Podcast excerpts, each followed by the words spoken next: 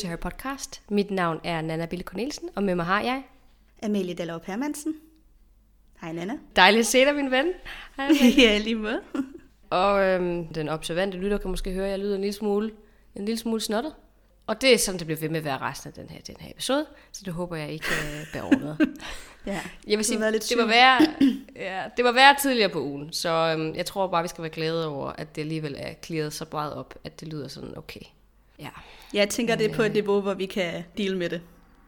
Ja, ikke? Det synes jeg også. Nu, nu skal vi i hvert fald nørde lidt Harry Potter-stof. Det er faktisk meget sjovt, fordi jeg så i går, øhm, vi har lige fået et, øh, adgang til HBO Max hernede, fordi man kan ikke altid tilgå de her øhm, streaming-platforme i udlandet. Men vi fandt i går en VPN, hvor vi kunne komme ind på HBO Max. Og så var der det her Hogwarts House Tournament-program med Helen Mirren. Ja. Og jeg var sådan, det der, det ser virkelig sådan griner noget. Lad os lige prøve at se en episode. Det er jo sådan nogle super Harry Potter-fans, som de sådan inviteret ind til at lave sådan et quiz-program-agtigt. Og det var bare, det ved jeg ikke, det var på den ene side, der var det sådan en lille smule for meget, og på den anden side, så var det egentlig meget hyggeligt. Hvis du ved, hvad jeg mener. Jamen, jeg har, jeg, ved, jeg har ikke set det. Øh, jeg ved heller ikke, om jeg kommer til det, men jeg har set, at vores lyttere inde i vores Facebook-gruppe har skrevet lidt om det på et tidspunkt. Ja. Og der var lidt blandet øh, øh, reviews af, øh, af det der quiz-program. Men, ja, øh, ja. Hvad havde folk skrevet? Jeg tror, der var nogen, der var sådan lidt skuffet over, hvad det var. Ja, og så var der nogen, der ja. synes, at alt Harry Potter er uhyggeligt. Så det er lang tid det... siden, jeg kan ikke lige helt huske det mere. Men det var, ja. Og så ligger der jo den der Reunion derinde. Lige præcis, som, den tænkte jeg øh, også, jeg skulle, den tænkte jeg også, jeg skal se nemlig. Men øhm, ja. jeg synes egentlig, det var, det var meget hyggeligt, som sagt. Det gav, det gav nogle gode vibes. Ja, men øhm, så er der jo lidt nyt her fra øh, podcastfronten. Du har fået et nyt job. Ja, det er rigtigt. Det er rigtigt. Jeg, jeg du så lige ud, som om du tænkte, what? hvad, hvad, hvad, er det for, hvad er det nu for nogle nyheder? Jamen det er rigtigt, ja. jeg har fået nyt job. Det, det er jo efterhånden blevet sådan en, en ting med mig. Jeg synes jo, jeg har et nyt job eller noget. en eller anden ny progression hver halvår. Men, men jeg har fået et nyt job nu. Ja, ja. igen. Øh, det er dog stadigvæk i Belgien, det er ikke i Danmark. Så jeg, jeg fortsætter hernede hvilket er meget glædeligt. Det var også det, jeg gerne ville, så jeg er meget godt tilfreds. Det er hos en NGO, der hedder um, Zero Waste Europe, og jeg kommer til at skulle sidde og lave kommunikation, så det er mega fedt, og jeg, jeg er super glad for det, fordi det er et ægte, ægte fuldtidsjob. Ikke noget Dejligt. praktik, ikke noget traineeship, ingenting. Så jeg er meget glad. Mm. Og det er sådan noget med øh, mindre affald, eller hvad? Lige præcis, at man sådan minimerer affald, men ikke kun, altså det er ikke sådan noget fokuseret på den enkelte. Det er ikke sådan noget med, at du skal lære at affaldssortere Amalie. Det er sådan noget med, hvordan stopper vi virksomhederne fra øh, at bruge en masse plastik, øhm, når de, når de altså, laver, laver pakning til fødevarer, og det her med afbrænding øh, af affald, for eksempel Amager Bakke at man har de her kæmpe store afbrændingsanlæg. Det er sådan noget der, de arbejder med. Og på EU-niveau, okay. at man laver noget lovgivning, der stopper de her processer, som er virkelig skadelige for miljøet. Jeg ved ikke særlig meget om det endnu, Nej. men det kommer. yes, det bliver spændende. Tillykke med det i hvert fald, Nana. Tusind tak, jeg er meget, meget glad. Og der er jo også noget andet, vi skal, inden det vi kommer i gang med sådan selve Harry Potter-nørderiet. Mm. Vi har nemlig, øh, jeg vil næsten have lyst til at sige, fået ulepost. Vi har i hvert fald fået post. Faktisk, ja. Og ja, jeg har været over og hente en pakke her til øh, formiddag, og jeg vil ikke åbne den, før jeg var øh, sammen med dig, fordi jeg synes, vi mm. skulle åbne den sammen. det er simpelthen en af vores rigtig søde lyttere, Laura, som har øh, sendt os en pakke med noget i. Fanpost? Mm, nu åbner jeg. Det tror jeg, det er, det er første gang, vi har fået fanpost, tror jeg. Nej, vi fik også fra øh, Dansk Blindesamfund. Ja, det var jo nærmere, det var en, en gave for sådan at, at have lavet oplægget, ikke? Jo, det er rigtigt. Nå, nu åbner jeg i hvert fald her. Uh. Ej, det er simpelthen en tryllestav. Neville Longbottoms. What? Fantastisk. Ja, Nej. og en Albus Dumbledore-figur. Oh, that's so Ej, sweet. Fedt. Det er virkelig sødt. Der er også et brev med. Kære Nana og Amalie, tusind tak for jeres podcast. En Dumbledore til Nana og Nevils tryllestav til Amalie. Mange magiske hilsner fra Laura. Jeg tænkte nok, at Dumbledore var til mig. Jeg tænkte, ja. det, øh, det passer lige. Ej, hvor sødt. Det er mega, det er mega sødt, Laura. Sød. Tak. Ej, hvor ja. dejligt. Den, den, øh, den skal jeg have ned og stående på kaminen hernede, når jeg har hentet den i Danmark. Det tror jeg. Mm. Ej, det er vi virkelig glade for. Det er fornemt. Tak. Tusind, tusind tak. Og lad os så gå i gang med øh, kapitlerne.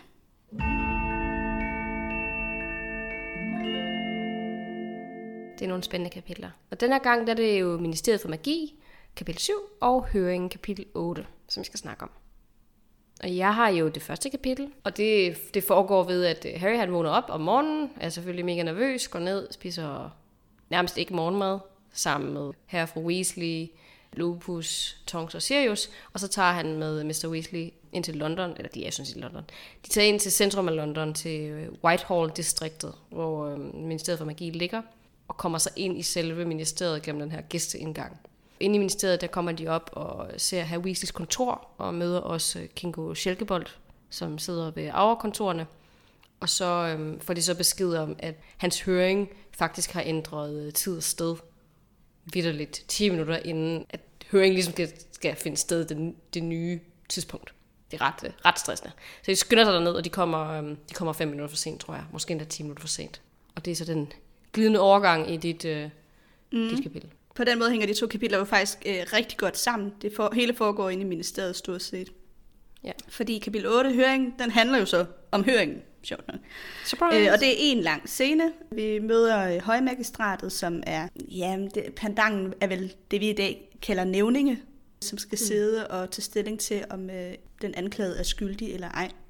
Ja. Og så er der Cornelius Fudge, der giver dommer, og så er der med til at afhøre Amelia Bones, som er chef for den magiske efterretningstjeneste, og Dolora Nidkær, senior undersekretær for ministeren, og så er Percy Weasley til stede som referent eller retssekretær. Så møder vi også Dumbledore, der kommer ind, som skal agere forsvarsadvokat for Harry, og fru Fig, som er vidne. Mm. Det er en, en meget god måde at ride op på, fordi man, man kan godt blive lidt forvirret, ikke? Man så tænker, okay, Cornelius Fudge er minister for magi, og så er han samtidig så også dommer. Ja, og det kommer her... vi til at tale meget, meget mere om. det er meget Fordi, specielt. øh, Det er meget interessant, ja. Mm. Det må man nok sige. Men skal vi ikke gå direkte videre til magiske relationer?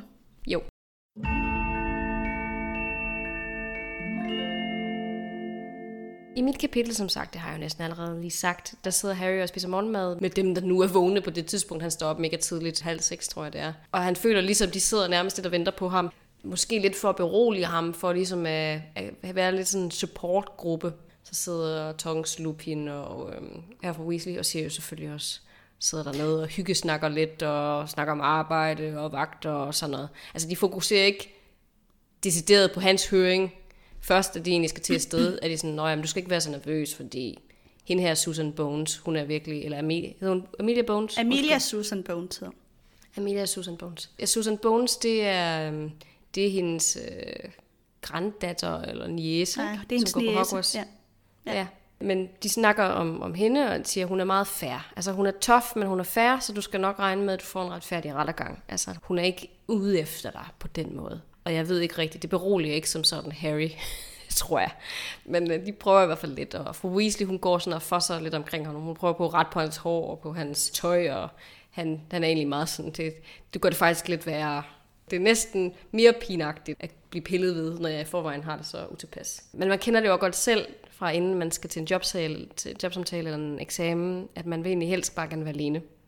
Det kender jeg i hvert fald for mig selv. Jeg vil helst ikke have folk omkring mig, så bare kan fokusere Nej. på det, jeg skal.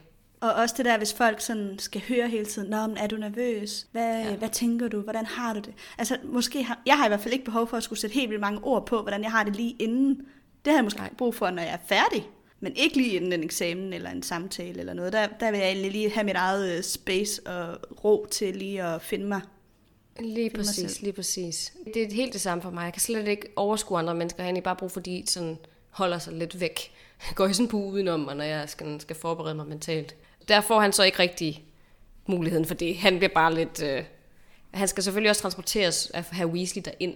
Men herr Weasley, han, øh, han, hans måde at agere på, det er egentlig meget fint, fordi han er så fascineret af mokkelvært. Han har ikke rigtig fokus på høringen. Han er bare mere sådan, nu skal jeg transportere Harry ind til ministeriet, og det er ligesom det der fokus. Nå, men så skal de ned i undergrunden, og der kommer herr Weasley jo stort set ikke. Så han bliver fascineret over de her øhm, billetautomater, altså, som også er virkelig, virkelig sødt. Og de her, øh, jeg ved ikke, hvad man kalder dem, men de her maskiner, der sådan sluger billetten, når man forlader undergrunden igen, så bliver det sådan helt, det er sådan helt magisk, nærmest hvad de der kan. Og jeg, jeg tror egentlig, det tager lidt fokus fra Harry, at de ligesom skal på den her rejse derhen, i stedet for bare, at han skal sidde og vente i et eller andet venteværelse, eller hvad man skal kalde det. Og det synes jeg egentlig er en meget fin måde at gøre det på. Jeg tror heller ikke, der er så mange andre måder at gøre det på, fordi de jo selvfølgelig har gæsteindgangen. Men um, nonetheless, så har det en god effekt på Harry. Ja. Synes du ikke, det var sjovt, den måde, at de skulle ind i den der telefonboks? Jo, jeg synes, det er meget, meget... Og også fordi de begge to bliver sådan klemt ind i den. Den er ikke sådan lavet mm. til to personer. så det er egentlig meget, det er egentlig en meget pudsig måde at gøre det på. Men jeg har også lidt mere om telefonboksen senere i fri leg. Mm, spændende. Ja, skal jeg men, men, det, men det, Ja, det må du gerne.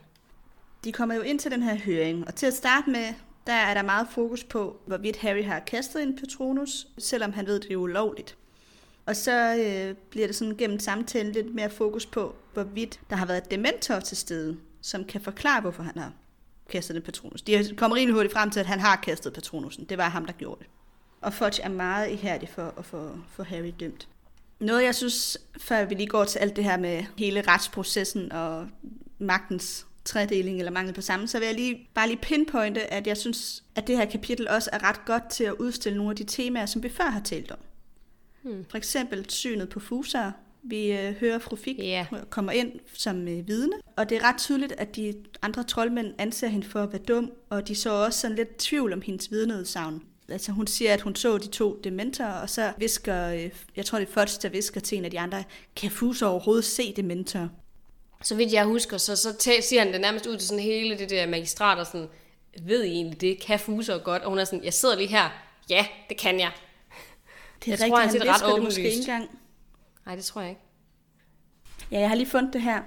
For resten kan Fuser se dementorer, tilføjede han, og så spørgende på de omkringsidende til venstre og til højre for sig. Du har ret, han siger det højt. Og så sidder fru Fik der og sådan, ja vi kan, sagde fru Fik indineret. Så det er rigtigt, han, han taler bare om hende i stedet for at spørge hende. Det er ret, ja. øh, det er ret sigende. Lige præcis. Hun bliver sådan meget tingsliggjort på den måde. Ikke? Det er sådan, den her race af under mennesker, kan de egentlig godt se de mentorer. Det er meget, ja. meget interessant. Det er også ret interessant, at de, øh, hun fortæller jo, at hun øh, bor i Little Winching og øh, Hex, og så er de andre sådan, jamen der er ikke andre registreret end Harry i det område, så det kan ikke passe. Og så hun sådan, det er fordi jeg er fuser, og derfor har jeg ikke en registrering på mig. Og mm. det ved de ikke engang. Altså, det er også som om, at fuser står bare så lavt på deres opmærksomheds... Ja. Øh, altså, det, de er opmærksom på, at ja. det skal hun faktisk belære dem om. At jeg, jeg er ikke registreret i jeres systemer.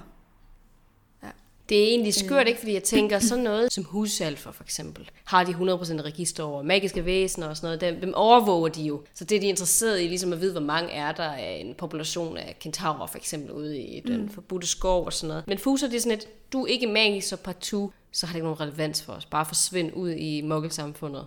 Altså, selvom det jo egentlig ja. er mennesker, der har connection eller tilknytning til, til det magiske samfund, så bliver det bare sådan, det er egentlig irrelevant for os, fordi det er kun væsener med magi, der har betydning. Sådan set. Det pussy ja, det er, er jo faktisk, spændende. at det gør, at fru Fik er så fedt et aktiv for Fønixordenen. Ja. De kan jo bruge hende, fordi hun netop ikke er en, folk har opmærksomhed omkring. Lige præcis. Så hun hverken rigtig meget under eller ministeriet har ligesom tanke på hende og den rolle, hun kan have. Og hun har jo faktisk ret stor betydning. Så hun er ja. virkelig godt øh, aktiv for phoenix -ordenen. Hun er god til at være undercover. Altså, fordi ja. hun går under radaren på den måde, som hun gør. Der er ikke nogen, der rigtig... På samme måde som husalf. Endnu mere end en husalf, og sådan, sådan set ikke. Fordi at folk, de, de overvejer hende ikke som nogen personer relevans overhovedet. Mm. Ja, det, og så et andet øh, eksempel, jeg lige vil nævne, det er, at Fudge han siger, at øh, nu er det her jo heller ikke første gang, Harry han bryder loven. Han har jo før begået magi for en øh, mokler. For eksempel den gang, den gang han lavede svævebesværgelsen i sin øh, tante og onkels hus. Og så bryder mm-hmm. Harry ind og siger, at det var ikke mig, det var Dobby, husalfen. Og så øh, er de sådan, Nå, jamen, det kan vi jo ikke regne med, og en husalf i et mokkelhus, det lyder helt utænkeligt og sådan noget. Så siger Dumbledore, at vi kan bare tilkalde ham. Jeg kan kalde ham ind på 0,5, så kan han selv give sin forklaring. Og så øh, får, øh, får et sagt et eller andet med, jeg har ikke tid til at lytte til en husself. Ja. Og bare det, det øh, siger jo også meget om, som vi før har talt om, at, at man ligesom ikke rigtig anerkender husselfer i det her samfund. Uden tvivl, der er rigtig meget diskrimination, altså, og, og det ligger under overfladen, men det bliver mere, mere tydeligt i resten af serien fra den her bog on, sådan set, allerede fra bog 4. Men det bliver virkelig tydeligt. Men det går også op for mig, det tænkte du måske også over, at han siger flere gange for i løbet af hele den her proces, han vil rigtig gerne have det overstået i dag. Han vil meget gerne have en hurtig rettergang. Han vil ikke mm. have, at der er nogen, der sådan rigtig blander sig i det, fordi han, han må jo forestille sig, at hvis det går hurtigt, så kan han nå at få Harry dømt, uden der er nogen, der sådan rigtig blander sig måske. Ja, det er rigtigt. Altså jeg tænkte over, at han virkede meget forhastet eller sådan forjaget. Ja. Lige da Harry kommer ind, der ramler han bare ligesom hele anklagen op, og så er det som om han nærmest allerede der vil til at lave en dom. Harry skal sådan ligesom bryde ind og råbe nærmest. Jeg øh, gjorde det for at beskytte mig, der ved dementor og bla bla bla. Altså, Fudge, han virker sådan meget, meget stresset i sin, øh, sin façon ja. i det her kapitel. Ja, og jeg tænker ikke, det er fordi, altså det er ikke nogen udefrakommende, tror jeg, der presser ham til det. Jeg tror, det er fordi, hans tanke er, at hvis han kan nå at gøre det så hurtigt som overhovedet muligt, så er der ikke nogen, der kan nå at begynde at overveje, om der er noget etisk forkert i det. Det så tror er der ikke nogen af dem, der sidder i, i det her magistrat, Wissengamot, der sådan tænker, hvorfor er det egentlig, at vi er blevet kaldt ind til den her høring ved en 15-årig dreng, som har lavet uautoriseret magi? Det hænger jo ikke rigtig sammen, det her. Altså, for hvis han giver folk mulighed for lige at tænke sig om, mm så begynder det måske at gå op for dem, at der er noget galt. Jeg tror, det er det, der sådan triggered ham lidt. Ja, det fordi tror jeg, Dumbledore, du har helt ret i. Ja, ikke? Fordi øh, Dumbledore, han er flere gange sådan, at vi kan godt kalde flere vidner ind, vi kan godt altså, undersøge dem noget mere. Jeg kan få fru Wick herind, få Fick herind igen, hvis du vil. Han er sådan, nej, det skal være færdigt i dag. Jeg vil ikke have det til at tage lang tid, det skal bare være overstået nu. Okay, det er meget interessant, synes jeg. Det der element af sådan timeliness. Ja, det er rigtigt. Altså i det hele taget er der rigtig meget omkring den her høring, som er meget interessant. Mm-hmm. Og vi kan lige så godt gå til det med det samme, nu vi er lidt inde på at snakke om Fudge og hans façon her. Ikke? I det her øh, kapitel, der vil jeg sige, at vi får jo simpelthen et skoleeksempel på, hvorfor det er rigtig, rigtig vigtigt at have en uh, tredeling af magten. Så sidder der okay. nogle samfundslærer derude og tænker, hvordan skal jeg lige forklare betydningen af magtens tredeling? Så kan man jo bruge det her kapitel ret oplagt. Fordi, tilbage til, til samfundsfag, vi har jo i Danmark i hvert fald opdelt vores magt bastioner i den lovgivende, udøvende og dømmende magt. Og bare lige meget hurtigt, den lovgivning, det er jo så Folketinget og regeringen, der laver lovene. Den udøvende, det er altså regeringen, der sørger for, at lovene bliver ført ud i livet, og politiet håndhæver så lovene på vegne af regeringen. Og så har vi den dømmende, som er domstolene. Så der er det ligesom delt op. Og i det her kapitel viser det ret tydeligt, at det er det så ikke i det magiske samfund. Fudge han er både den lovgivende, udøvende og dømmende magt. Og han påvirker øh, også medierne, der er den fjerde statsmagt. Det gør han nemlig så også. Ja, nu tror jeg ikke dem ved her, men det er rigtigt, der, det taler man jo også om den fjerde statsmagt, som er pressen med masse medierne, som også har en ret stor indflydelse, må man sige. Og de er også påvirket af ministeriet for magi. Lige præcis, lige præcis. Og det her er ikke engang en hel regering, altså med flere personer. Der er én person, og det er Fudge. Så det, det hele ja. er omkring ham. Han er meget tæt på, hvad man vil kalde en diktator. Hans, hans stab kan godt influere hans beslutninger. Det gør Nidkær jo blandt andet. Ikke? Altså, hun, mm. hun er hans undersekretær, og hun går ind og påvirker ham i forhold til, hvad hun synes, han skal bestemme, hvilke lovgivninger han skal lave, fordi baseret på den her høring, der kommer hun jo også på Hogwarts. Jeg tror faktisk, den, den ligger netop i den her sætning, hvor Dumbledore han siger, jamen du har ikke nogen ret til at bestemme, altså hvem der mm. bliver smidt ud af Hogwarts. Det bestemmer altså rektoren på Hogwarts, kan ikke, øh, altså, og så siger han nemlig så, jamen love, de er ligesom lavet til at blive ændret.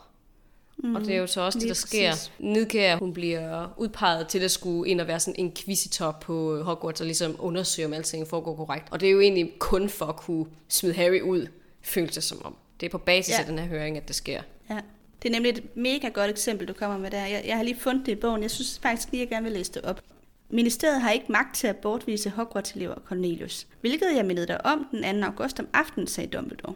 Ej heller har ministeriet ret til at konfiskere tryllestaver, indtil anklagerne er afprøvet og bekræftet som kendskærninger. Lad mig atter minde dig om den 2. august. I dit beundringsværdige hastværk for at sikre lovens opretholdelse har du selv, uden at ville det er jeg sikker på, overset et par love.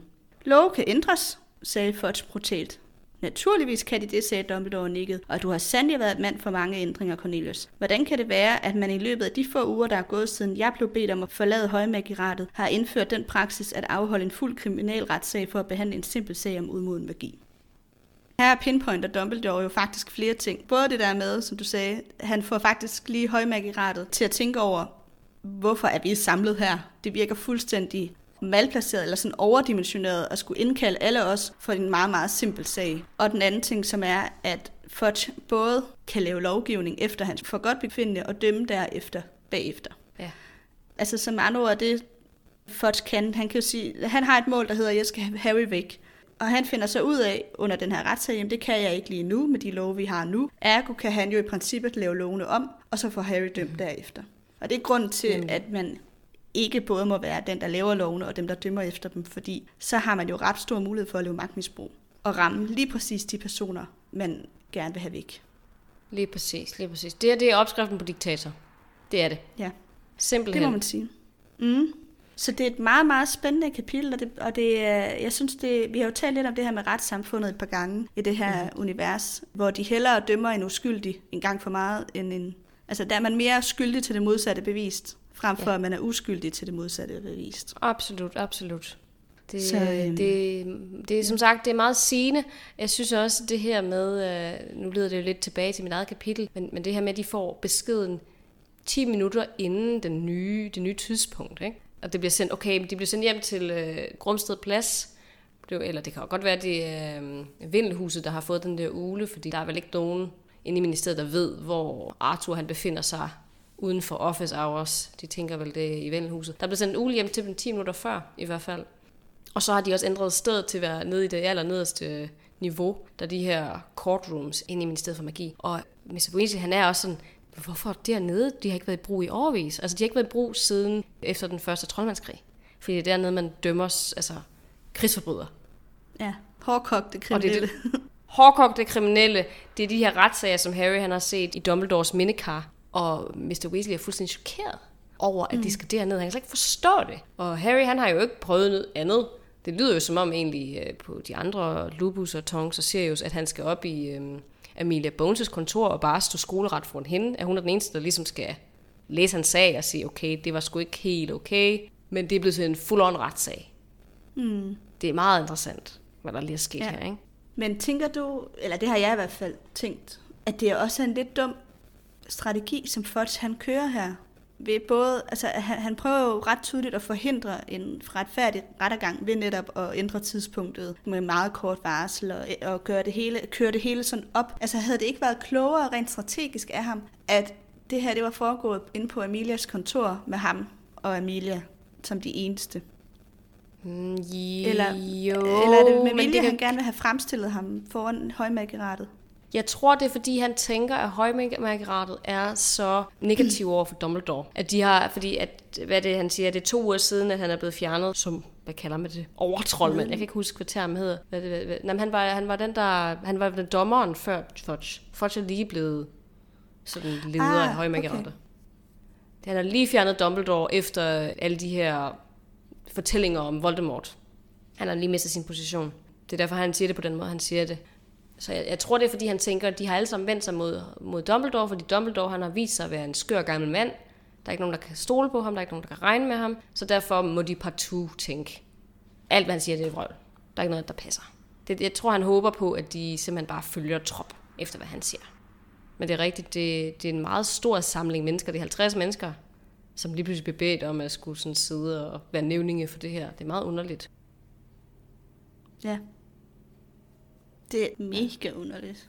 Men det undrer mig også, at der ikke er nogen af dem, der stiller spørgsmålstegn ved, at de er blevet kaldt ind til hans høring. Det kan godt være, at de simpelthen Ja. er... Øh, at det gør man ikke, at det må man ikke, når man sidder inde i retssagen. Og det kan være, at de siger noget bagefter, eller det kan være, at de har sagt noget før, men når man ligesom er i gang med høringen, så må de ikke komme med indvendinger. Men jeg synes bare, det er underligt, at, mm. at alle de her Altså- grandvoksne mennesker... Mm. Ja, Altså, vi ved jo ikke, om de har stillet sig kritisk over for det. Efter at Dumbledore i tale sætter, at det er en underlig ting lige pludselig at indkalde hele højmageratet, så er der, står der, at nogle stykker blandt troldmændene op på bænkene flyttede uroligt på sig. Så det vidner der om, at de lige der tænker, hmm, ja, det er det da egentlig. Hvorfor er det, vi ja. sidder her? Ja, og, og det er jo naturligt nok, fordi det er total mismatch, altså ud af proportioner, ikke? at det, det, det sker på den her måde. Men at man ikke lige tænker over det inden. Også hende her Amelia Bones. Jeg forstår ikke, hvorfor hun ikke stiller spørgsmålstegn ved, at det er super underligt, når det bare er Harry Potter, der har lavet en Patronus. It's no biggie. De tror ikke engang på det tidspunkt, der er nogen dementorer. Det burde jo virkelig være der, hvor der var altså, en retssag. Hvorfor er der dementorer i Little Whinging? Ikke så meget. Hvorfor har Harry Potter lavet en Patronus? Det er så også det, Dumbledore siger. Det, at det var det, de ja. burde fokusere på. Lige præcis. Han siger, at de skal lave en kommission, ikke? Men det er egentlig også noget af det, der undrer mig. At der ikke er nogen, der spørger Harry, hvorfor kalder du en patronus? Det giver ikke nogen mening. Bare dømme. Jo, but, altså, de spørger ham, hvornår har du, hvor længe har du kunnet det? Og så forklarer Harry, at det lærte han på tredje skoleår af Lupus. Jo, jo, jo, jo, jo, men jeg spørger ikke, hvorfor kan du? Men hvorfor lavede du en patronus den aften? Han siger selv, det er fordi, der er dementorer. Der er ikke nogen, der spørger mm. ham direkte hvorfor laver du den her? Fudge, han er ligesom klar til at gå videre til dommen der, da han ligesom har fået at vide, okay, du har så, du gjorde, du vidste godt, du gjorde det for en mokler, du vidste godt, at det, det måtte du ikke, okay, jamen så dømmer vi dig efter, det er næsten der, han er, ikke? Og så siger Harry, hov, hov, hov, der var altså nogle dementorer, det var derfor, jeg lavede en patronus. Og så lidt mm. senere i processen, så spørger Emilia Bones, okay, hvor lang tid har du lige kunne det? Det er sgu da ret vildt, at du, du kan lave en patronus. Men det er mere det der med, hvorfor er der ikke rigtig nogen, der er ikke nogen, der sætter spørgsmålstegn ved det. Det er ligesom, hvis man skyder nogen, så spørger man jo også, hvorfor skød du vedkommende? Det mangler det, bare Det er rigtigt, ja. Og det udstiller jo også Fudges ihærdighed for at få ham dømt. Fordi hvis man ja. først går ind i, at der kan være en forklaring bag, så er han jo lige pludselig... Så er der jo nogle familien omstændigheder, som det her må mm-hmm. sige at være. Men det handler jo også om, at Fudge vil ikke anerkende, at der kan være dementorer, fordi det vil jo så mm-hmm. have den betydning, at ministeriet ikke længere har magt over dem. Øhm, og præcis. det vil Fudge jo blive ved med at, at argumentere for, at de har. Mm-hmm. Hvor Dumbledore han siger, jamen det kunne jo tyde på, at Voldemort også har magt over dem. At der lige pludselig er dementorer i Little Winching. Så præcis. måske har, altså, burde de undersøge, hvorfor de overhovedet var der. Og det vil Fudge jo slet ikke høre tale om. Nej, det er rigtigt, det er rigtigt. Og det, man kan sige, lige i det her specifikke tilfælde, der ved vi jo, det ikke er Voldemort, men det faktisk er Nidkær, som jo også sidder og rykker på sig hver eneste gang, de nævner noget med, kunne det være nogen inde i ministeriet, så sidder hun og sådan bevæger sig lidt, og hmm, antyder du, at der er nogen i ministeriet, der kunne finde på at gøre sådan noget her? Ja, det gør jeg meget tydeligt. Det er faktisk en, direkte anklage om, at der er nogen i ministeriet, der, der har gjort det her, hvis det ikke er Voldemort. Ja, det er lidt øh, det, der, er to, der, der er to muligheder. Det kan være ministeriet, eller det kan være Voldemort. Og det, Nemlig.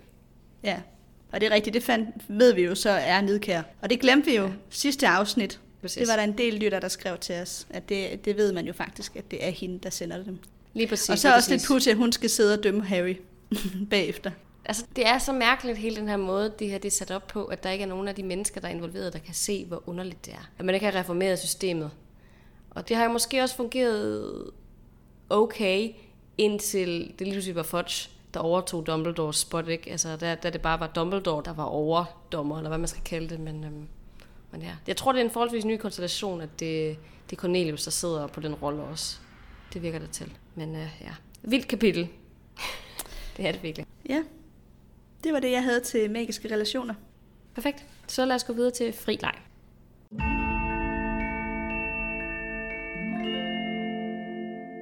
Det har jeg nemlig rigtig meget. Og jeg ved godt, at vi har snakket om ministeriet. jeg ved godt, vi har snakket om ministeriet før, men jeg synes lige, at vi gør det en gang til, for nu kommer vi ind og ser det for første gang. Altså, det har vi jo aldrig haft mulighed for før, og vi får et par sneak peeks i løbet af bøgerne. Men jeg synes altid, det er noget særligt, når vi, vi, vi kommer til nogle nye områder af den magiske verden, som vi ikke har været i før, som ikke lige er Hogwarts. Vi kommer jo ind igennem den her telefonboks, som du rigtig nok siger. Og altså selve Ministeriet for Magi ligger i nærheden af Whitehall, som er der, hvor øh, den britiske regering også ligger. Det er sådan en vej, og det er der alle regeringsbygningerne ligger rundt omkring. Og den er så placeret nedenunder det. Det er sådan en kæmpe underjordisk bygning i, i 10 etager. Og hovedindgangen til øh, Ministeriet for Magi, det ligger ved den metrostation, der hedder Whitehall, hvor man går ned i øh, toiletterne. Ned i selve metroen, der er der nogle toiletter. Surprise, meget magisk. Så stikker man en, øh, sådan en, en Ministeriet for Magi på let i døren, når man kommer derned, og så kan man så komme ind i ministeriet ved at træde op i kummen, og så blive skyllet ud. Så kommer du så ind i de her kaminer, som vi sikkert godt kan huske fra, fra, fra filmene, hvor der er den her kæmpe store indgangshal, og så er der kaminer langs hele, hele den ene side, hvor folk de ligesom kommer ind og ud. Det er sådan de her døre, hvis man kan kalde det, eller hvad, hvad end man nu vil, vil kalde det. Det er sådan den officielle indgang. Man kan også øh, apparate ind i, øh, ind i ministeriet apparate, hvad hedder det på dansk? Transferere? Øhm, ja, spektral transferens. Man kan transferere spektral transferens, man kan transferere ind i, i indgangshallen også, og jeg tror faktisk også, der er de her sådan flu networks, så man kan også komme ind ved hjælp af det her sådan flu-netværk, øh, hvor man rejser mellem kaminer. Suseputter, nemlig. Det er det, der er problemet, når man, når man læser dem på engelsk, og, eller hører dem på engelsk, i stedet for at, at gøre det på dansk. Men øhm, Det gør Harry og Herr Weasley jo ikke, fordi Harry han er gæst. Han øh, har ikke adgang til nogle af de her ting, så han bliver nødt til at tage gæst engang. Og det er den her øh, telefonboks, som står nede ad en sidegade i nærheden af Whitehall. Så ham og Herr Weasley, de møver sig sådan ind i den her gamle, sådan klassiske øh, telefonboks, der sådan er ret smadret. Og så trykker Herr Weasley de her fem numre på urskiven. Og han trykker 62442. Og nu, nu er vi jo i, en, i den moderne verden, hvor der ikke er så mange, der bruger de her old school telefoner mere. Men i gamle dage, der var der bogstaver på tallene, på de her sådan talknapper. Så når man trykker de her fem bogstaver, så staver det så ordet magic. Det kan I sikkert huske det, Gud, hvor sjovt. Ja. Det vidste du ikke? Nej. Nej. Jamen, så er der også lige en fun fact til dig. Jamen, det er jo også ligesom, hvis man kan huske de rigtig gamle sådan, knaptelefoner. Altså tilbage i starten nullerne. Dem har vi jo begge to haft. Der stavede man jo også, der skrev man beskeder ved tryk på talknapperne også. Og så er der altid tre bogstaver på dem, så A, B, C, det er ligesom A, D, E, F, det er B og så videre. Og så, så skriver man ligesom på den måde. Og det er det samme her. Det er det samme koncept, der er her. Så det staver Altså, magic. A, A, B, C er 1 og, Nemlig. videre, ikke? Nemlig. Ja. Ja, ja, ja, ja. Lige præcis. Det lige præcis. det var A, og så var den. Ja, undskyld. Nej, det er et. Det er nemlig lige præcis et. Ja. Sorry. Men det var der også på de, på de, de her gamle britiske, de her gamle britiske telefonbokse.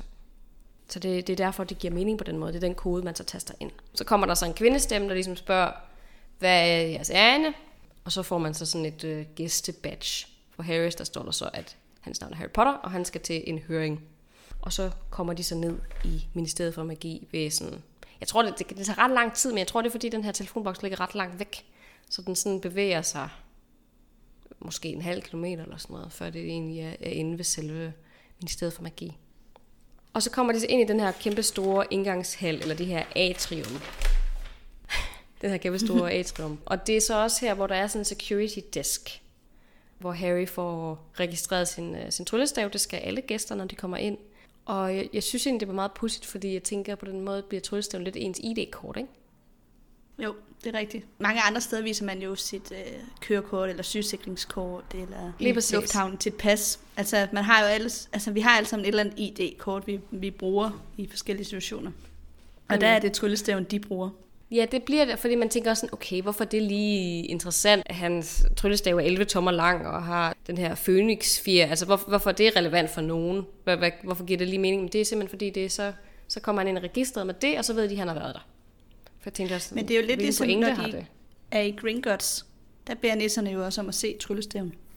Det er rigtigt, det havde jeg faktisk glemt. Men det er også en interessant pendant til vores eget, eget samfund, ikke? at det, det bliver deres, deres fingeraftryk eller deres ID. Det er også interessant, det husker du måske ikke, men i slutningen af den her bog, der skal de jo ind i ministeriet igen. Den del kan du nok godt huske. Men de kommer ind igennem øhm, gæstindgangen, fordi den kender Harry jo. Han ved jo godt, han skal trykke det her, den her særlige kode, det her magic, fordi han har prøvet det en gang før. Men gæstindgangen skulle jo egentlig ikke være brugbar uden for altså kontortid. Hmm. Så det, det er jo meget interessant, at de faktisk kan komme ind, og der ikke er nogen security, når de kommer ind, at de bare kan gå direkte, hvad direkte ind i ministeriet. for- Det er jo ligesom, hvis du og jeg vi kunne gå ind i Folketinget efter kl. 8. Ja, kan jeg vide, hvorfor, øh, hvordan det kan være. Om, ja, det har jeg sgu ikke et godt bud på. Jeg tænker, at det må være øh, nogle af de her dødskardister, nogle af dem, der er inde i Ministeriet for Magi, Lucius Malfoy, eller nogen, der har måske bestukket nogen til at holde gæsteindgangen åben. Ah, fordi de også kan kunne komme ind. Fordi de gerne vil have Harry og hans slæng ind. De vil jo de prøver på at lokke dem ind. Så jeg, jeg tænker, måde. at øh, de, de må jo vide, at han har brugt gæsteindgangen, eller i hvert fald kunne finde på at bruge den igen. Og så at, at det måden ligesom at, øh, ja, at få dem ind, ligesom ved at holde den åben, holde den fri. Det synes jeg er en rigtig god teori. Den synes jeg, den giver ja. mening. Og Lucius er jo Det- højt inde, inde i ministeriet, så han vil jo helt klart have muligheden for at påvirke nogen til det. Det er det, det er det. Og vi ved, at der er, der er jo flere folk derinde i løbet af den her bog, der bliver udsat for Imperius-forbandelsen, og som man godt kunne tvinge til at holde indgang åben, eller tvinge nogle andre til det, eller sådan gøre et eller andet uautoriseret. Fordi de, de kan ret let forbande folk. Så det, det synes jeg bare var, var en pudsig lille detalje, egentlig er med. Og øhm, gæstindgangen er faktisk også åben i øh, Cursed Child. Det er også den, de bruger i Cursed Child til at komme ind i stedet for Magi. Og Cursed Child foregår jo i 2019. Og der er jo ikke særlig mange af de her røde telefonbokse tilbage, så det er jo også sådan lidt sjovt, at man ikke lige har valgt at opdatere gæsten gang. ja. Men står der ikke nogen rundt omkring i London stadigvæk, altså som ikke jo. nødvendigvis bliver brugt, men, men fordi det er sådan et særtegn ved London? Jo, det gør det. Altså, de vil gerne bevare de her gamle telefonbokse, men de er ikke så, øh, hvad hedder det, inconspicuous, eller de er ikke så... Altså, det, der fungerer godt ved telefonboksen, er jo, at den blinder ind på det tidspunkt. Og den bliver en turistting, når det er, at den, vi kommer op her i 2019, hvor folk ikke rigtig bruger dem til andet end sådan særlig emergency ting. Så skulle man ja. hellere have en kiosk, eller et solcenter, eller sådan et eller andet andet, hvor folk de kunne gå ind. For det, det er alligevel sådan lidt mindre tydeligt i gadebilledet, hvis du ved, hvad jeg mener. Ja, der har teknologien udviklet sig, siden J.K. Rowling begyndte at skrive bog 1 ja. til i dag, ikke? Lige præcis. Man kunne godt forestille sig sådan en version, hvor det i stedet for en rød telefonboks, der var det sådan en øh, sådan de der smartphone repair shops, som der bare er ud over det hele, hvor man sådan kan fikse sin skærm.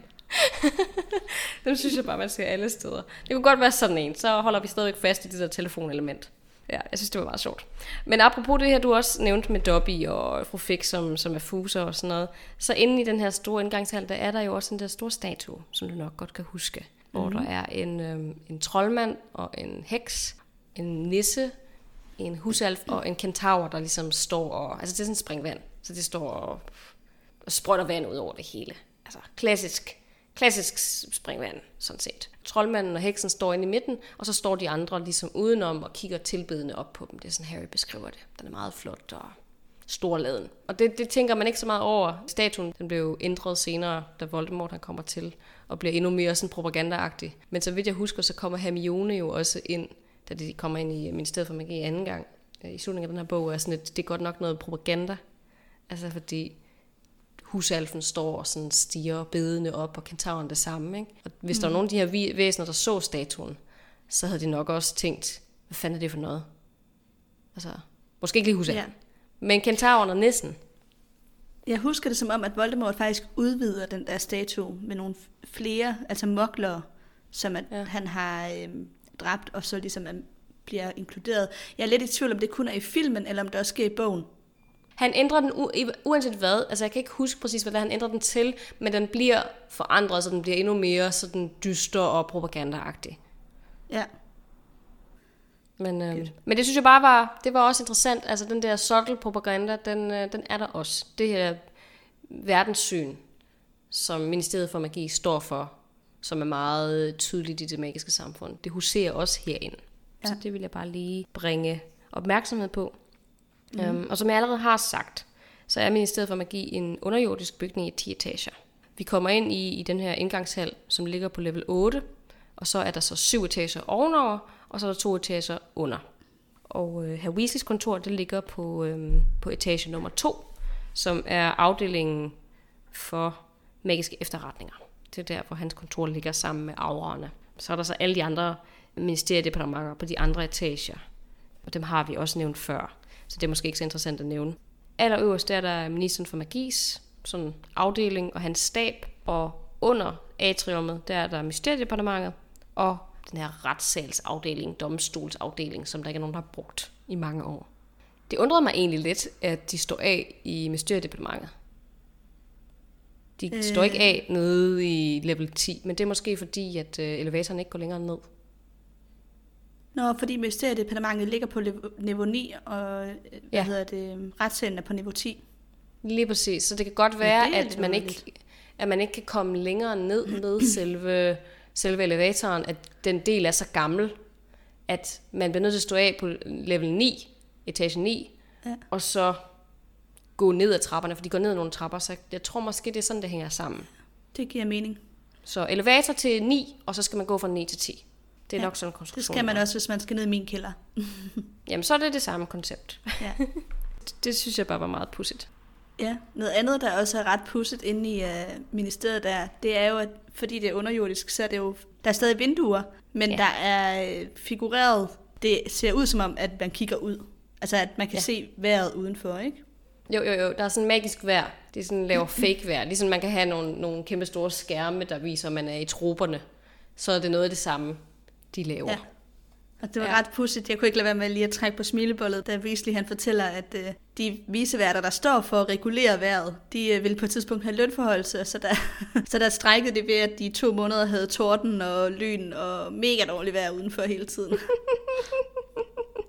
Jeg synes, det er en god måde at gøre det på. Jeg synes, det, det, det er ret genialt, for det kan jo virkelig påvirke folk bare kun at glo på dårligt vejr i to måneder. Ja. Bare kigge på regnvejr og torden. så bliver man altså også lidt... Altså, det er, det er meget effektivt, tror jeg faktisk. Ja. En effektiv måde at strække på. Jeg synes også noget andet, der var virkelig sjovt, det er det her med de her små papirflyvere, der flyver ind i elevatoren. For jeg tænker, det er jo øh, den old school version af e-mails. Mm. Fordi man har jo brug for at kunne, kunne komme i kontakt med folk på andre etager. Det giver jo ikke nogen mening, du går, går op og ned hver eneste gang, det er, du har en eller anden note til nogen, vel? Så du skal have et andet system. Så det med at kunne sende de ja. papirflyver afsted, det synes jeg Og spørgsmålet er, om ikke de stadig har det. Fordi de har jo sådan lidt tendens til den magiske verden, at så finder de en eller anden magisk løsning på en udfordring. Og så kan det godt være, at moklerverden faktisk videreudvikler til noget, der er endnu smartere som e-mails mm. er i forhold til sådan en papirflyver. Ikke? Jo. Men spørgsmålet er, om de følger moklerne der, eller de bare holder fast i det koncept, de selv har fundet på de holder fast. Det tror jeg virkelig. Jeg tror slet ikke, de er med på den, øh, den teknologiske bølge. Altså alt det, vi kan med internet og sådan noget, det, det er de slet ikke med. Det tror jeg ikke. Nej. Det, det er de long lost stadigvæk. det er jo det, der er lidt sjovt ved, de, sådan, de her bøger, de er skrevet fra slut 90'erne, og så op i starten af nullerne. Ikke? At det har været lige her i, i boomet. Men det, den tror jeg ikke, de er med på. Nej. De tager det til sig over århundrederne gradvist, stille og roligt, men ikke, ikke de der store voldsomme skift. Det går langsomt, tror jeg. Mm. Ja. Men øhm, i forhold til Mysteriedepartementet, der vil jeg løse lige nævne, at det er markant ældre end selve Ministeriet for Magi. Det har ligget der no. længere tid end Ministeriet for Magi. Ja, ja, ja. Fordi ministeriet det blev først oprettet i 1700-tallet.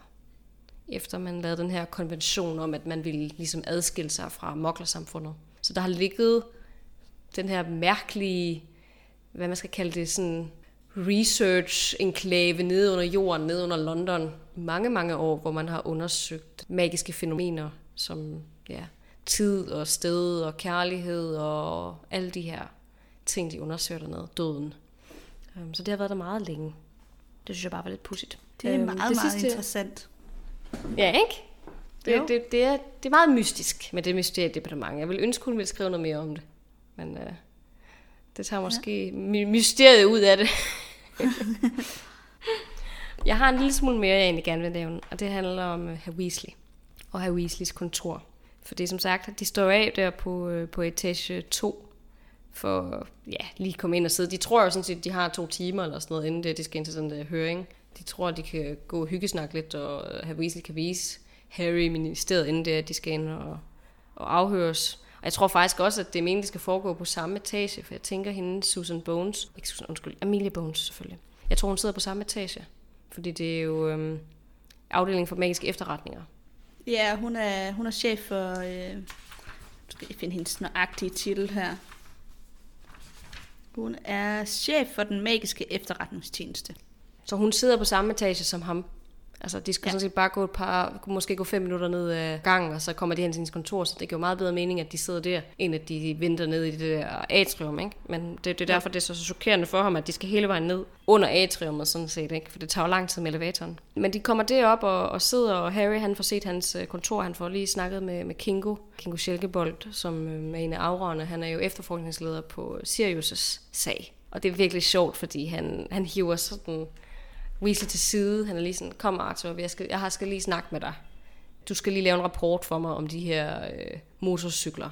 Og så har de den her lille interaktion, og sådan faker lidt, at de ikke kender hinanden, og de ikke kan lide hinanden særlig godt. Det er ret grineren.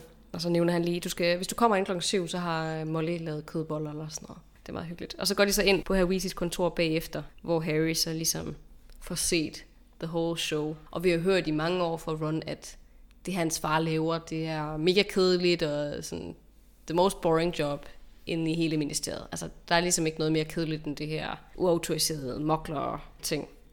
Men han, vi fører jo faktisk om flere af de her sager, som han laver. Han er jo med på de her retssager, hvor han skal finde mørke objekter, som kan skade mokler, og nogle af de her ting er ret, altså ret farlige, kan brænde folks øjne ud, kan virkelig gøre, at de kommer til skade. Så det, det er egentlig meget sjovt, at hans arbejde bliver altså værdsat så lidt. Han har faktisk mm. også været med til at udarbejde en lovgivning, som beskytter moklere allerede i 92. Det, han er egentlig sådan lidt, ja, ikke menneskerettighedsforkæmper, men mokler rettighedsforkæmper. Så det, det, er meget, det er meget pudsigt, at det bliver set Vi på. hører på også om en, øh, om en sag, der kommer ind med nogen, der har fortryllet nogle toiletter, så de kaster ja. indholdet op igen, når mokler prøver Ja. ja. at skylle ud. Altså så alt lort Ja. og tis bare flyver op i hovedet på moklerne. Lige Noget, som jo er en spøj at læse om, men jo noget viste sig ret alvorligt, fordi det er jo virkelig ydmygende over for de mokler, Ja. man har øh, fortryllet, altså hvor man har fortryllet ja. ja, deres toiletter, ikke? Helt sikkert, helt sikkert, at man, man kan jo også, du kan også komme til skade jo på det, altså du, det er ikke øh, ens betydning, du kan jo blive dødssyg af kolibakterier og sådan noget, så det, hvis du bliver druknet i lort, vidderligt, det er ikke, det er ikke så godt. altså, så, så det kan også være farligt, men jeg tror, de her ting, som folk de ser som, som en spøg i den magiske verden, kan virkelig være farligt for mokler. Altså ekstremt farligt. Vi hører også om et, øh, et t-sæt tidligere, ikke i den her ikke i det her specifikke kapitel, men et t-sæt, hvor at der er en eller anden mokler, der bliver skoldet og øh, ved få brækket næsen og sådan noget. Altså man kan komme slemt til skade. Der er nogen med nogle bøger, hvor at man, som jeg sagde før, får brændt øjnene ud, eller ikke kan stoppe med at læse, eller taler på værsefødder resten af sit liv. Så det, det, det kan virkelig have nogle, nogle voldsomme effekter på de mennesker, der bliver udsat for det her, men det er troldmandssamfundet sådan lidt ligeglad med. Tror du ikke også, det er troldmændenes svar på herværk? Eller sådan det, vi Jo. betegner som, som små forseelser i, i, i vores samfund, det er det, der er kendetegnet ved de her forseelser. Jo, 100%. Det er graffiti. Altså, det er på det niveau. Det er ikke... Øh, altså, jeg ved ikke, hvis man bliver fanget, hvor slem en straf man så får. Fordi det er alligevel ret... Altså, du udsætter jo alligevel Ja. det magiske samfund lidt for fare i, at du løfter lidt sløret for, at der er noget, nogle magiske... Der findes en anden, anden side, ikke? At, at, at hvis man hvis mokler for, for de her magiske objekter i hænderne, så kan det jo godt blive sådan lidt, okay, hvad er det her for noget? Så på den måde afslører du også lidt det magiske samfund. Så kan godt være, det er egentlig Og mere man alvorligt, end som så. risikerer at gøre skade på nogle mokler. Det betyder nok ikke så meget i det store billede. Men jo, jo, jo, jo, og det er jo det, det, er jo det her Weasley, han, han arbejder for, at man får mere opmærksomhed på. At man ikke diskriminerer mm. mokler, at man ikke skader dem. Så det er noget, de bliver mere opmærksom på, især efter den anden travlmandskrig. Der prøver man på at bekæmpe den her diskrimination, som der har været længe. Men her Weasley, han er faktisk head of office. Han er, han er chef for den her lille afdeling. Og han bliver forfremmet i øh, 1996 til Head of Office for det, der hedder Detection and Confiscation of Counterfeit Defensive Spells and Protective Objects. Fordi I kan nok godt huske, under øh, den anden troldmandskrig, så begynder man at sælge flere og flere af de her beskyttelsesamuletter. Og nogle af dem, de gør ingenting, det er bare fusk. Og nogle af dem, de kan skade den person, der har dem på. Det er så mest for troldmænd, men han har jo rigtig meget erfaring med det her med at finde mørke objekter og objekter, der skader ejeren. Så han bliver forfremmet. Han ender ikke med at sidde på det kontor resten af sit liv, som han egentlig meget godt kan lide det, er min fornemmelse. Så øh, det var lidt langt, men øh, det var det, jeg havde om min sted for at give mm. i den der omgang. Spændende. Jamen, så vil jeg øh, fortsætte og fortælle lidt om Amelia Susan Bones. Fordi hun er jo en karakter, vi ikke møder så meget igen. Jeg, jeg er faktisk lidt i tvivl, om vi møder hende igen. Hvis vi gør, Vi så hører om er hende. Det, vi hører om hende i avisoverskrifter. Ja. Ja. Men jeg ved ikke, om vi møder hendes karakter, altså hvor hun siger noget. Det kan Jeg tror jeg ikke ikke. huske. Jeg tror, det er det, det er det eneste, vi, så vidt jeg husker, det er det eneste, vi siger til hende. Vi, vi møder selvfølgelig hendes næse, og så får vi at vide, da hun dør. Ja, for det gør hun jo øh, året efter den her scene. Hun bliver myrdet i sommeren, ja, året efter, af Ja, ja, man er faktisk lidt i tvivl om hvem, men jeg læste på nettet, at øh, mange mener, at det er Voldemort selv, der myrder hende Mm. personligt. Både fordi hun øh, laver nogle, øh, altså hun, jeg ved ikke om hun er decideret med i Phoenixorden, men hun laver i hvert fald aktiviteter mod Voldemort. Hun er Mm. modstander af Og det Voldemort. giver, det giver mening, fordi hun er sidder som efterretningschef. Ikke? Altså hun, det er hendes ypperste pligt at beskytte det menneskelige samfund. Og jeg tror, hun har en meget stærk sådan, sense of morale. Altså hun, Ja. øh, hun er ikke fudge. Hun bakker ikke op om hun Fudge. Hun bakker op Nej. om, at Voldemort... Altså, og det er ikke, fordi Fudge han bakker op om Voldemort, men han er en skvaderpande. Ja. En anden grund kan også være, at Amelia er øh, det oplagte næste valg til ministerkandidat efter Ja. Fudge, fordi det igennem historien ofte har været den tidligere chef for efterretningstjenesten, som er blevet minister for magi. Og Aha. øh, Voldemort vil ikke have hende ind på den post. Det giver rigtig god mening, fordi Rufus øh, Scrimger, han sidder vel også i efterretningstjenesten, gør han ikke det? Det kan Han jeg ikke bliver den huske. næste. Nej, det er ikke ham, der Det er peget. tror jeg- Der er også ham, der er Pius Thickn- Thicknessy, eller sådan noget. Nå, ja, ja, ja. Der er Det en, Voldemort noget. Jeg selv lide- sætter ind. Ja. Ja, det er kan rigtigt. ikke Det tror jeg godt kunne være ham. Jeg kan ikke lige helt huske rækkefølgen her. Men i hvert fald, det kommer vi jo tilbage til, når vi nærmer os i bøgerne. Men der er i hvert fald Ja, nogle skift på den post. Der er nogle skift, Anyway. og Rufus, han, han bliver den sidste... Han bliver den sidste minister for magi, som ikke er indsat af Voldemort, tror jeg. Og så kommer Kingo Shelkebold jo så også. Og han er jo også, som vi ved det, i efterretningstjenesten. Så, så det giver egentlig Ja. ja. god mening, det er den vej, det følger. Ham er Pius så lige laver, det hvis han er Voldemorts mand, så er det nok ikke så Det- betydningsfuldt. Det mener jeg. Kingo blev først valgt efter krigen. Ja, det er rigtigt. Men som sagt, han er også i efterretningstjenesten. Ja, ja, ja, det er rigtigt. Jamen det er der jo, altså ministeren for magi er jo valgt af folket, eller hvad man skal sige, men det er bare tit den person, man vælger. Det er sådan lidt en uofficielle kandidat til posten. Ja, ja det giver mening. Men øh, Amelias forældre bliver begge to dræbt af Voldemort under første troldmandskrig, og hendes mm. bror var medlem af Phoenixordenen, Edgar Bones, og han blev myrdet af dødsgardister, som også myrdede hans kone og hans børn. Puha. Ja, så hun har også en ret voldsom forhistorie omkring, altså i forhold til det her øh, Voldemort-regime. Så hun, hun er helt tydelig modstander af Voldemort. Og så er hun Ja, jo så faster til, øh, til Susan Bones. Ja, eller det er en antagelse, jeg tager. Jeg ved faktisk ikke, om hun er faster eller moster. Der står ornt på nettet. Men det er hendes ja. søskendes barn. De er tre søskende. Emilia, og så Edgar, og så en tredje. Og jeg kunne ikke finde ud af, hvem den tredje var. Men det er okay. så den persons barn, der er Susan Bones. Fair nok. Mm. Så det var, det var faktisk det, jeg lige havde om hende. Men øh, jeg synes bare, det var... Vi plejer jo sådan lige, når der kommer en ny karakter ind, og bruge lidt tid på lige at præsentere, hvem de er. Jeg kunne også have taget øh, Dolores Nedkær, men jeg tænker, hende kommer vi tilbage til. Ja, vi har masser, masser af tid at snakke om øh, Nidkær. Det skal du slet ikke være i tvivl om. Men hvis du ikke har mere, så tænker jeg, at vi går til ulepost. Yes.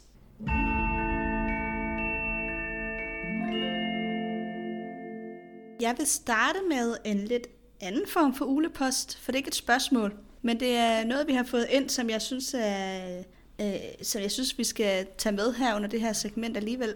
Det er en lytter, der hedder Emilie, som har lavet et ret spændende stykke arbejde med at kortlægge karaktererne i de her bøger. Og helt konkret har hun sendt os en analyse, hun har lavet af bog 4, hvor hun side for side har gennemgået alle karakterer, der optræder i øh, bog 4. Og så har hun okay. så fundet nogle lidt spændende ting ud fra det.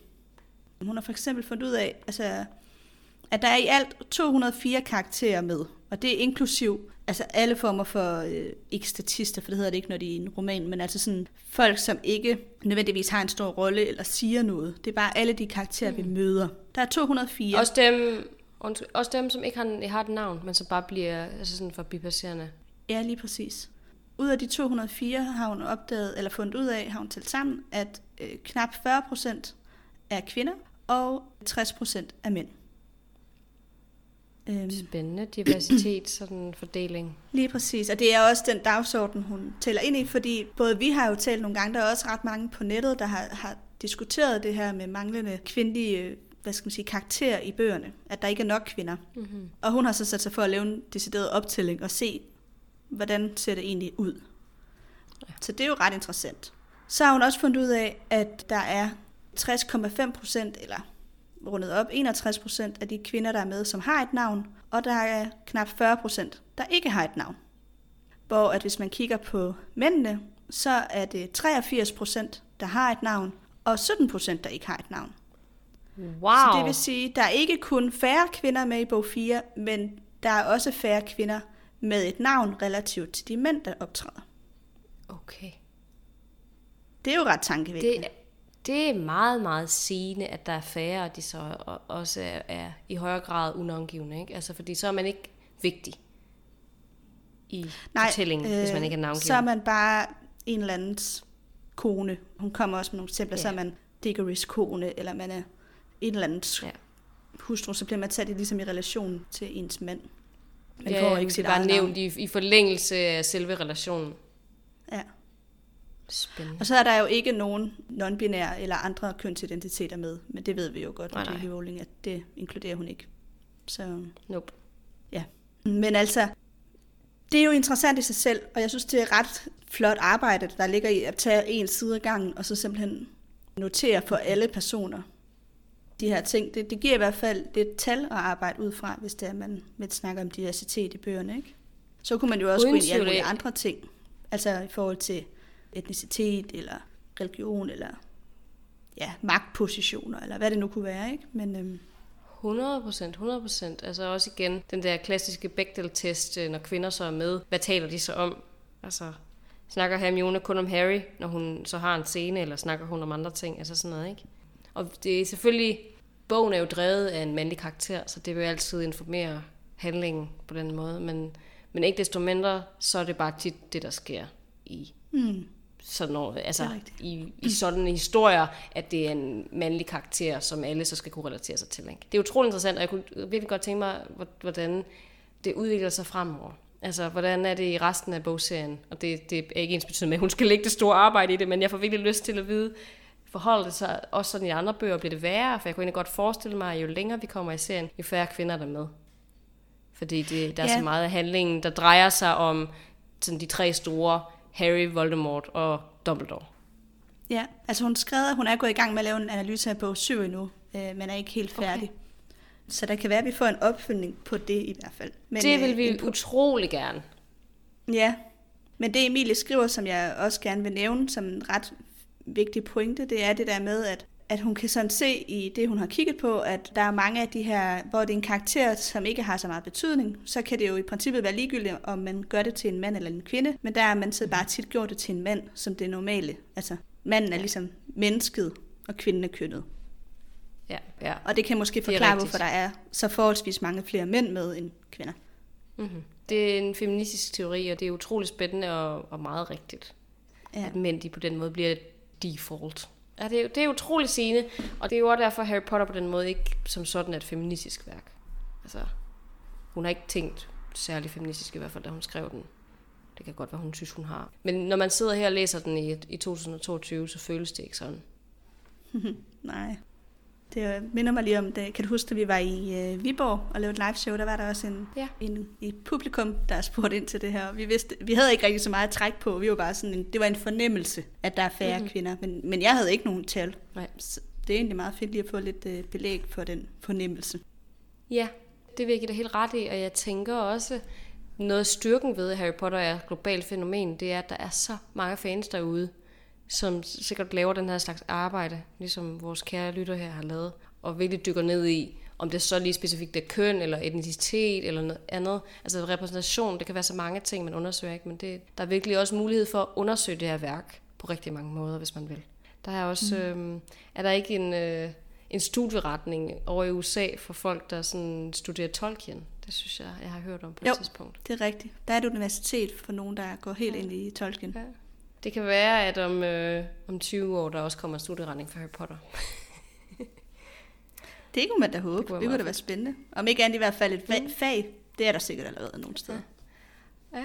Der er i hvert fald nogen, der Ja. ja. også begynder sådan, øh, altså undervise med popkultur, hvad ud af pop, altså sådan noget, hvilken betydning har Beyoncé for feminisme, eller altså sådan noget, hvor man, hvor man sådan taler ind i, hvad, hvad der ligesom er, er det populære, og de her store værker, om det så er popmusikere, eller Harry Potter, eller noget helt andet. Det synes jeg er Ja. meget fedt. Helt sikkert. Men uh, tak til Emilie, og nu håber jeg, at jeg siger dit efternavn rigtigt, Kutin, for analysen her. Så synes jeg, vi skal gå videre til et spørgsmål fra Enya, der har skrevet til os. Nu læser jeg op her. Runner og Ginnys familie er lidt fattige, så er det ikke underligt, at de kan have sådan et godt telt i verdensmesterskaberne i Quidditch. Hvorfor gør de ikke det på deres eget hus? Altså, gør det mega fedt. Det vil jeg gerne høre jeres mening om. Med venlig hilsen, Enya. Altså teltet, først og fremmest, det er jo faktisk et, de låner af Arthurs kollega. Mm. Jeg kan ikke lige huske, hvad han hedder, men det er en, der ikke bruger teltet mere, fordi han har fået en eller anden sygdom, som gør, at han ikke tager på telttur længere. Og så mm. har han givet det Altså, til hvis- Arthur, som så øh, har fået lov at beholde det også, fordi ham kollegaen vil ikke have det tilbage, efter de har været ved verdensmesterskaberne. Ja. Altså hvis det er hans kollega, som altså hvis det er ham, der han arbejder sammen med, hans assistent, så hedder han Perkins.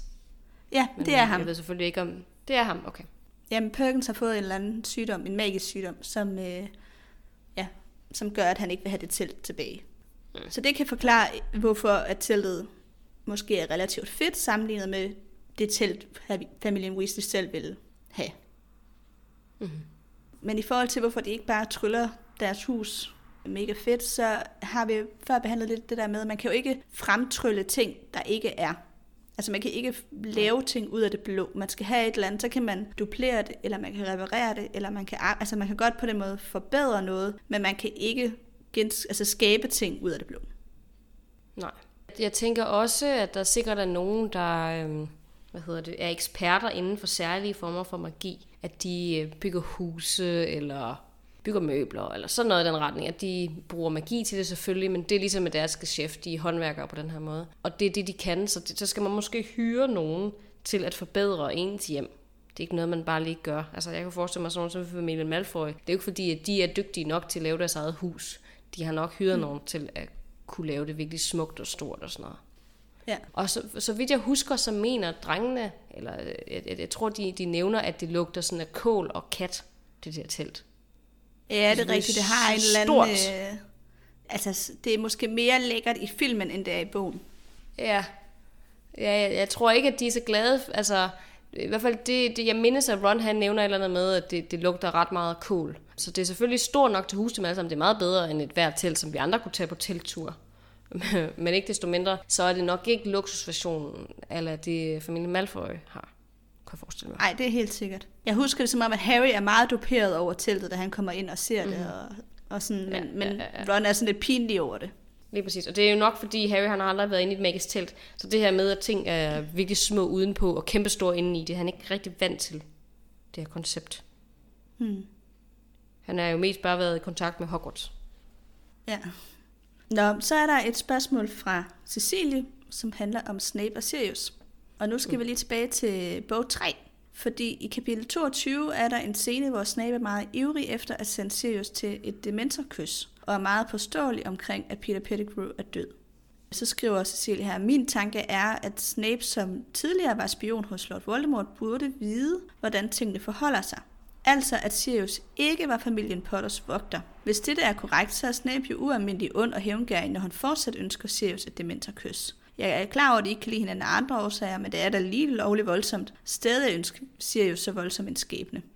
Det kan selvfølgelig også være, at Snape ikke kender til sandheden. Hvad tænker I om det? Venlig hilsen af Cecilie. Det er et meget godt spørgsmål. Altså, det er jo noget det, vi diskuterede, tror jeg, dengang vi, øh, vi snakkede om det i bogen. Altså, øh, Snape ved jo ikke, at Sirius er uskyldig på det her tidspunkt. Nej, det er det, man må antage, ikke? Jamen, det tænker jeg, at det ved han jo først, da Dumbledore opdager, at Snape er uskyldig. Nej, slutter at Sirius er uskyldig. Og det finder Dumbledore ud af i slutningen af bog 3, efter at Harry og Hermione fortæller det. Mm. Så ja. da Snape ytrer ønske om, at Sirius skal have dementorkysset, der ved Snape ikke, at Sirius er uskyldig. Nej, det tror jeg, du har ret i. Det har du ret i selvfølgelig, fordi det er kun familien Potter. Det er kun øhm, James og Lily, der ved, hvem det er, der er vogteren. Ja, det fortæller de jo, jo ikke til andre end Snape og Peter Pettigrew. De siger det vel ikke til Snape?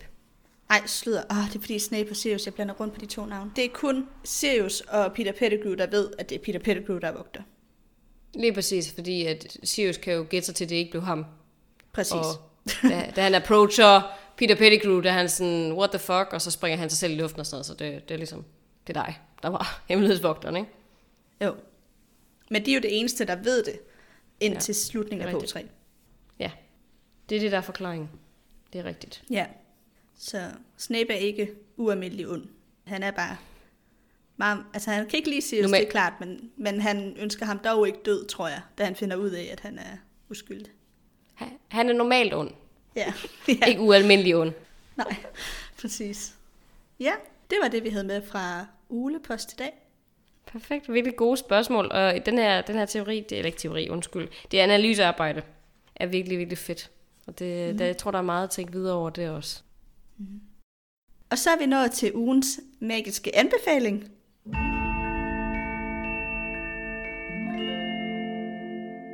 Jeg, øh, jeg har taget en bog med i dag, der hedder In Defense of Witches.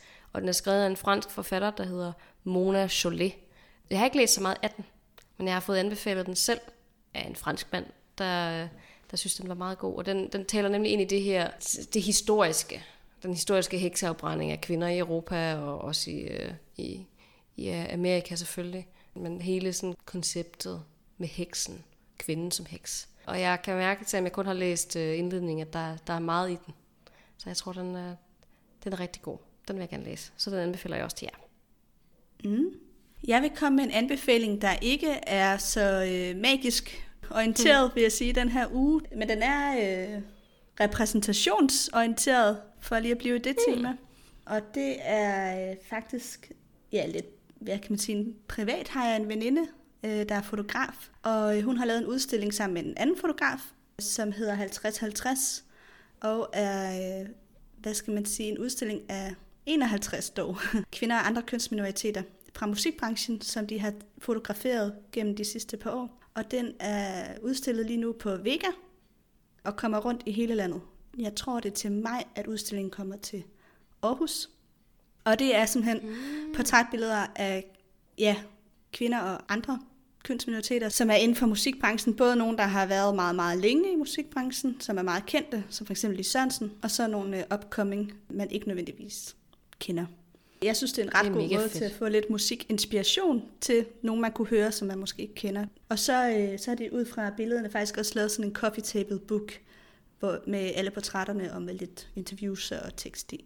Så øh, ja, jeg vil bare lige slå et slag for, øh, for det her stykke arbejde, som min veninde har lavet, som jeg sammen med en anden, som jeg synes er mega fedt. Mm. Det er mega, mega fedt initiativ og mega fedt projekt. Jeg har også set nogle af billederne online. Kæmpe skud ud til, til Merle og hendes, øh, og hendes partner. Ja, og så er vi nået til citattid.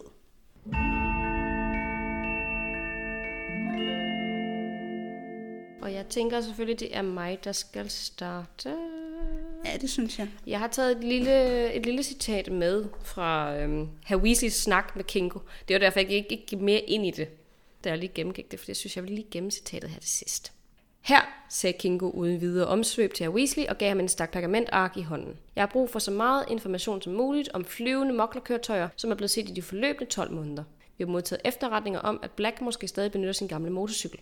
Kingo blinkede overdrevent til Harry og tilføjede viskende. Giv ham magasinet, det vil han finde interessant. Og så sagde han i et normalt toneleje. Og lad det nu ikke vare for længe, Weasley. Forsinkelsen af den, den skydetåbe-rapport stoppede vores efterforskning i en måned. Hvis du har læst min rapport, vil du vide, at det korrekte udtryk er skydevåben, sagde herr Weasley køligt. Og jeg er bange for, at du kommer til at vente på informationen om motorcykler. Vi har ualmindeligt travlt i øjeblikket. Han sænkede sin stemme og sagde, hvis du kan få fri før syv, laver Molly frikadeller. jeg synes, det var meget fint. Det, det griner han på engelsk, der siger han, uh, report on fire legs, og så siger han, the real term is firearms. så går der så op for en, det egentlig er et ret mærkeligt udtryk. Ja, fedt. Nå, jeg har taget et citat fra der, hvor øh, Albus Dumbledore kommer ind i retssalen.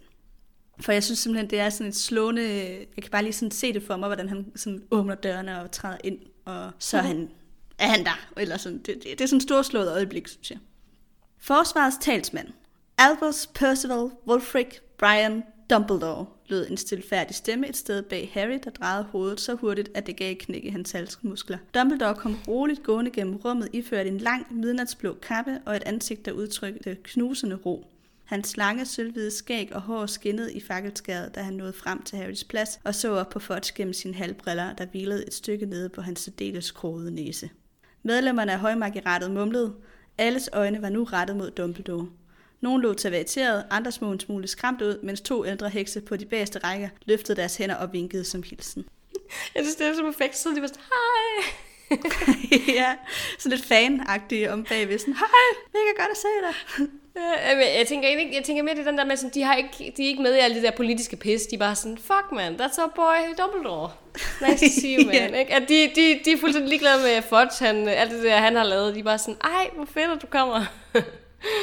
Jeg tror, de har nok siddet længe i højmækkerater sammen, kunne man forestille sig. Ja. Det er meget sjovt. Men det er lige en ja. ting, som vi ikke har nævnt så meget i det her kapitel, som jeg lige vil, vil sige her til allersidst. Det er også interessant, det her med, at Harry og, øhm, at han føler jo ikke, at han får øjenkontakt med Dumbledore på noget tidspunkt i det her kapitel. Dumbledore anerkender ikke rigtig hans eksistens, udover det faktum, at han ligesom fører retssagen for ham. Ikke? Og han går også inden det, han kan nå at sige noget til ham. Harry vil jo rigtig gerne lige tale med ham. Og det har jo også betydning senere i bogen, at, at det starter ligesom allerede her at Dumbledore ikke rigtig har kontakten til ham. Det er en rigtig, rigtig god pointe. Godt, du lige fik det med. Det finder vi ud af senere, hvor- at der er en grund til, at Dumbledore ikke vil have Ja. ja. kontakt. Men Harry føler sig jo ret afvist i det. Ja, det gør han. Øhm, Det gør han. Han jeg synes, det er meget det ubehageligt. Ja. Det var den sidste pointe for i dag. Så får I lov til Det at det. smut. Ja, så er der ikke andet tilbage end at sige uh, tak, fordi I lyttede med.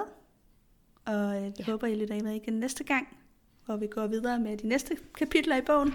Tak for i dag, Anna. tak for det, Amelie.